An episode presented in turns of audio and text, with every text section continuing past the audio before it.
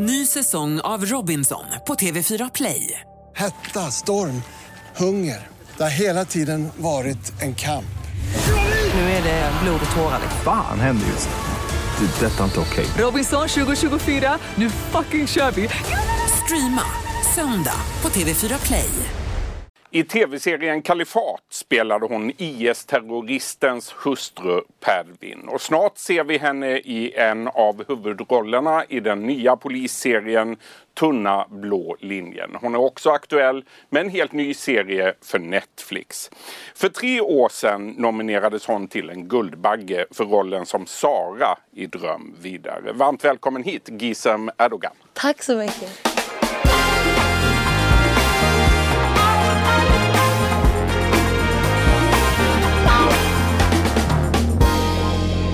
Gizem, vi börjar med tv-serien Kalifat som just avslutats i Sveriges Television. Du spelar där IS-terroristens hustru Pervin och du har hyllats för den här rollen. Hur stor och viktig har den varit för dig? Ja, den har varit jätteviktig. Det har varit absolut en av de viktigaste rollerna jag har gjort hittills. Men också för att projektet i sig blev väldigt viktigt. Dels för att eh, ja, men jag hade liksom väldigt länge velat jobba med Goran Kaptanovic som regisserar. Och så fick jag också ynnesten att möta Ahmet Bozan som spelar Hossam, min man.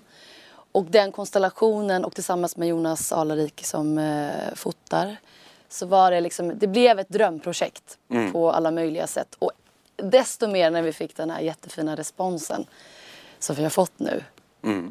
Du har sagt att du har aldrig tidigare lagt ner så mycket av dig själv i en roll förut. Vad menar du med det? Alltså jag menar dels den, den liksom förberedelsetiden och den preparationen, den researchen jag gjorde för att liksom, innan vi började filma. Eh, och för att liksom försöka sätta mig in i den här eh, Pervins eh, situationer och hennes liv. Och jag har ju aldrig varit i Raqqa. Men för att göra det så trovärdigt som möjligt så försökte jag liksom få, eh, få förståelse för varför en människa väljer att följa med sin man ner till IS. Hur är det för dig idag då? Blir du igenkänd på stan? Om jag blir. Det är så? ja, men jag blir väldigt igenkänd. Ja, jag har aldrig varit med Du har ont i handen av allt Ja, autografskrivande. exakt, exakt. Och det är så mycket fot. Nej, men jag blir verkligen... Välförtjänt. Jag blir absolut eh, igenkänd, det blir jag. Mm. Hur är det då? Har det förändrat ditt liv på något sätt? Nej, det har inte förändrat mitt liv. Jag tycker det är ganska kul. Eh, Jag kanske... Ibland så kanske jag liksom tänker lite mer på vad jag har på mig. Men ja, that's it. That's it. Ja, men jag tycker det är kul. Alltså, jag är Mm. jätte, jätteglad för all den fina responsen. Du föddes i Högsbo i Göteborg Mm. 1987. Redan i första klass satte du upp pjäser i skolan med en kattmask som du hade fått av mamma. Drömde du redan då om att bli skådespelare? Jag tror, nej, jag tror inte att jag drömde om att bli skådespelare. Men jag var väldigt upptagen och fascinerad av historieberättande. Det var liksom det jag höll på med. Det, det var som att Alltså jag var ganska, jag led av tristess när jag var liten. Så att det var väldigt mycket liksom att jag skulle hela tiden försöka stimulera den här tristessen. Och det var genom att typ hitta på pjäser eller underhålla en publik. Eller... Och jag fick den här kattmasken som min mamma för övrigt hade slängt förra veckan. Typ. Nej, Jo, så jävla sjukt. upprörande. Ja, lite, men både och. Du, vad har du för råd då till unga tjejer som eh, bär på skådespelardrömmar? Som drömmer om att bli som du? Ja, jag har ett råd, eller jag har flera råd. Men jag tycker att man ska, att man ska göra saker själv. Det är mitt råd. Jag tänker att man, att man kan faktiskt liksom berätta historier med väldigt enkla medel. Alltså jag tänker liksom, det bör, alltså allting börjar ju med att man bara berättar det för en person. Så länge man har en person att berätta det för.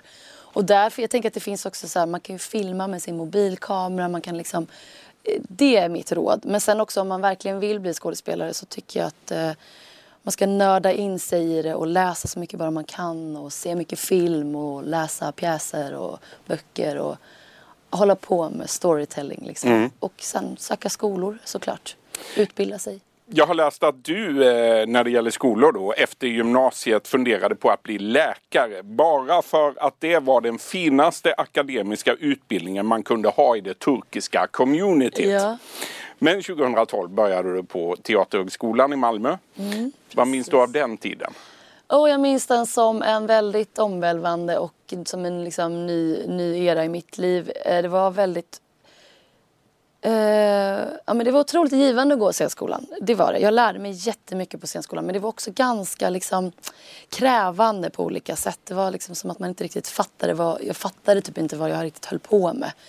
Det var eh, blandade känslor, men mest förtjusande känslor faktiskt. Härligt. Det var kul att gå scenskolan. Jag är väldigt glad att jag gick scenskolan. Och det var väldigt viktigt för mig att komma in på scenskolan. Varför var det viktigt? Ja, det var viktigt för mig för att det var enda sättet för mig och min...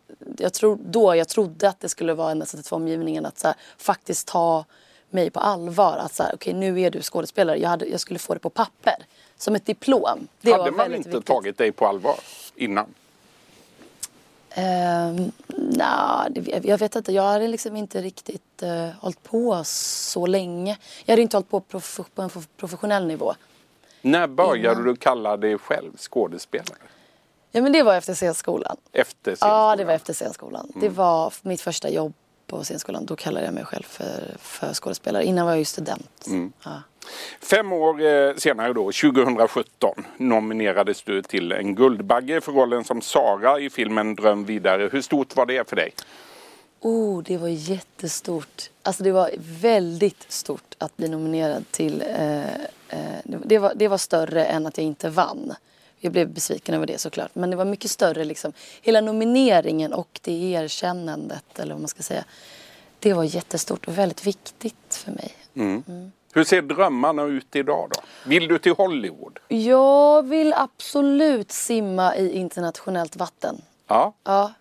Sen hur det eh, kommer att se ut, jag vet inte. Alltså Hollywood, nej jag vet inte. Jag tänker inte så mycket på Hollywood. Men jag tänker 100% på att jag liksom simmar där. Stora produktioner som är internationella. Ja, feta, liksom så här, lite limitless roller som är bara, jag vet inte. Ja, ja absolut, jag vill absolut simma i. Du gör ju internationell karriär alldeles snart. För Kalifat går på export och Ja, ska bli sant. En eh, Netflix-serie. Ja, exakt. Ja, under våren. Men det är kul också för att det ser lite annorlunda ut. Nu kan vi producera grejer i Sverige som når ut till en internationell publik. Så att det är liksom allting, eh, produktion och hur man producerar och allting, hur det når ut, det förändras ju konst hela tiden. Mm. Hur är det med förebilder då? Har du några sådana och i så fall vilka? Nej, jag, jag har typ aldrig haft förebilder. Du har inte behövt det? Nej, jag har liksom inte riktigt fattat den grejen tror jag. Nej. Du kör ditt eget race Ja, istället? jag kör mitt eget race. Men, nej, men det är klart att jag blir väldigt, jag blir väldigt inspirerad av andra människor och framförallt människor som jag jobbar med. Alltså, som jag har liksom också haft ynnesten nu senaste åren att få jobba med väldigt eh, begåvade konstnärer. Jag blir inspirerad av mina kollegor och mina mo- motspelare och liksom så. Men förebilder, nej. Nej. Jag har aldrig haft någon förebild faktiskt. Vem är du när du inte jobbar då? Oh, vem är jag när jag inte jobbar? Du menar vad jag gör eller vem jag är? Vem du är, men, men också vad du gör. ja, nej, jag, jag vet inte vem jag är. När Hur jag ser jobbar. dagarna ut? Nej, men jag, eh, jo, men jag eh, tycker väldigt mycket om att träffa mina vänner och min familj och jag tycker om att ringa min mamma och prata lite med henne. jag Vad pratar ni om? Ja, men vi pratar om hennes olika, vad hon har ont i kroppen och vad hon ska göra idag och sånt där. Man Mm. sådär. Kanske hon om hon har varit på stan och köpt något. Väldigt liksom bara så här, liksom vardagsgrejer. Men, eh, nej, men sen så, ja, jag, jag, tycker väldigt mycket om att umgås med andra människor. Mm.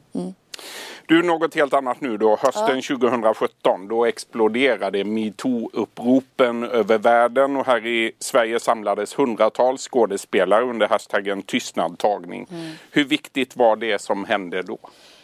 Jag tycker att det var livsviktigt, alltså helt avgörande för hur våran bransch skulle se ut, liksom, hur den skulle fortsätta se ut. Att också faktiskt, eh, jag tänker också att det var enda sättet att faktiskt liksom på något sätt rasera de här unkna liksom, maktstrukturerna och mekanismerna som fanns i, i olika rum och olika institutioner och på alla möjliga platser och arbetsplatser. Och det kom ju då också, det fick ju komma fram till ytan och vi, ja, ja, hur mycket av den här unkenheten har du mött? Jag har inte mött så mycket av den unkenheten eh, jag gick ut scenskola, alltså jag hade inte jobbat så mycket. Jag hade jobbat bara två år innan 2000. Jag gick ut fe- 15 och 17 eh, började ju eh, hela rö- rörelsen. Som... Ungefär samtidigt som du blev att- Guldbaggen-nominerad. Ja, men precis. Så, nej, jag, jag hade inte mött det, inte alls liksom. Men jag, jag har ju... Jag har ju eh, vetat att det har funnits de här... Du har hört kollegor berätta. Absolut, och man, jag tycker man, kan, ha- man märker det. Liksom. Men det, det, hör ju till, alltså, det hör ju ihop med liksom mycket större strukturer som också liksom genomsyrar alla olika delar i vårt samhälle. Så att, eh, Tror du att det har blivit enklare att vara kvinnlig skådespelare i Sverige?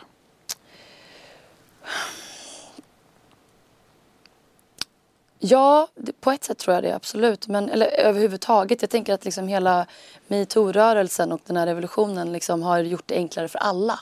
Jag hoppas det, att den har gjort det enklare för alla i, jag kan ju bara tala utifrån min bransch, men, men att den faktiskt har gjort det enklare och jag hoppas också att den liksom att den får förbli en del av hela våran, alltså hela vår, att det, det, för jag tycker inte att det var, det är inte någonting som liksom kom upp och sen så gjorde vi klart det och så förs- går det vidare. Utan det, det här ska få vara en del av, av våran yrkesroll och institutionerna för alltid. Liksom. Det, är- så ser jag på det.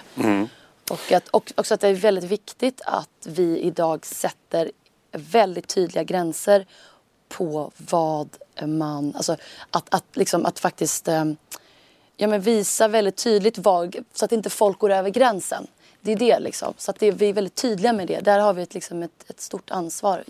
Allihop. Alla som, allihop och framförallt eh, tänker jag arbetsledare och, och chefer på olika arbetsplatser. Att, att man är väldigt tydlig med så här, eh, du får inte kliva över den här, över den här gränsen.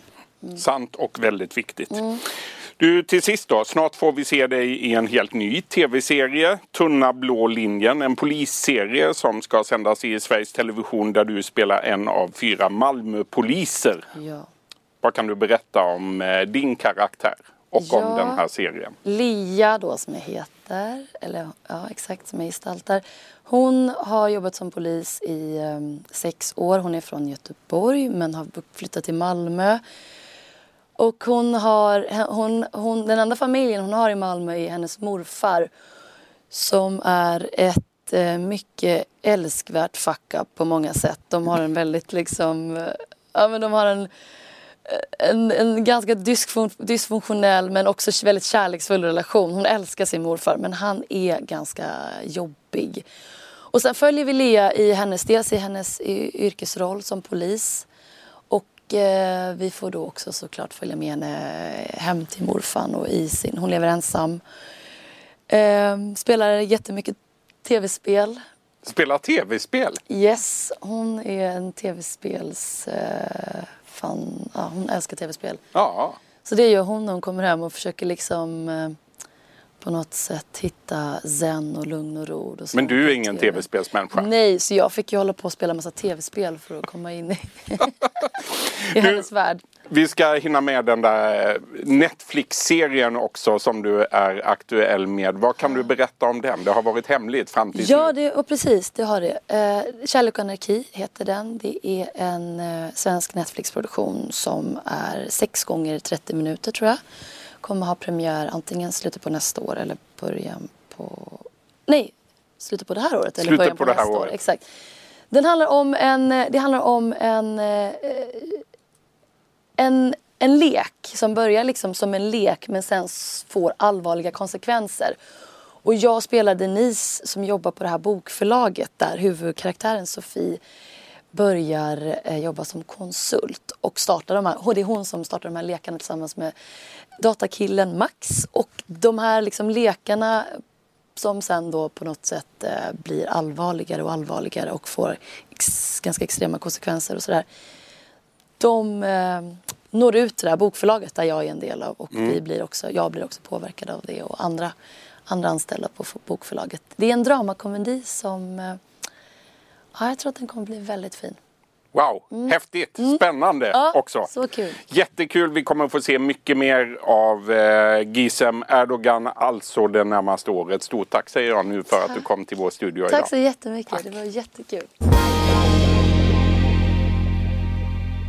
Du har lyssnat på en podcast från Expressen. Ansvarig utgivare är Klas Granström.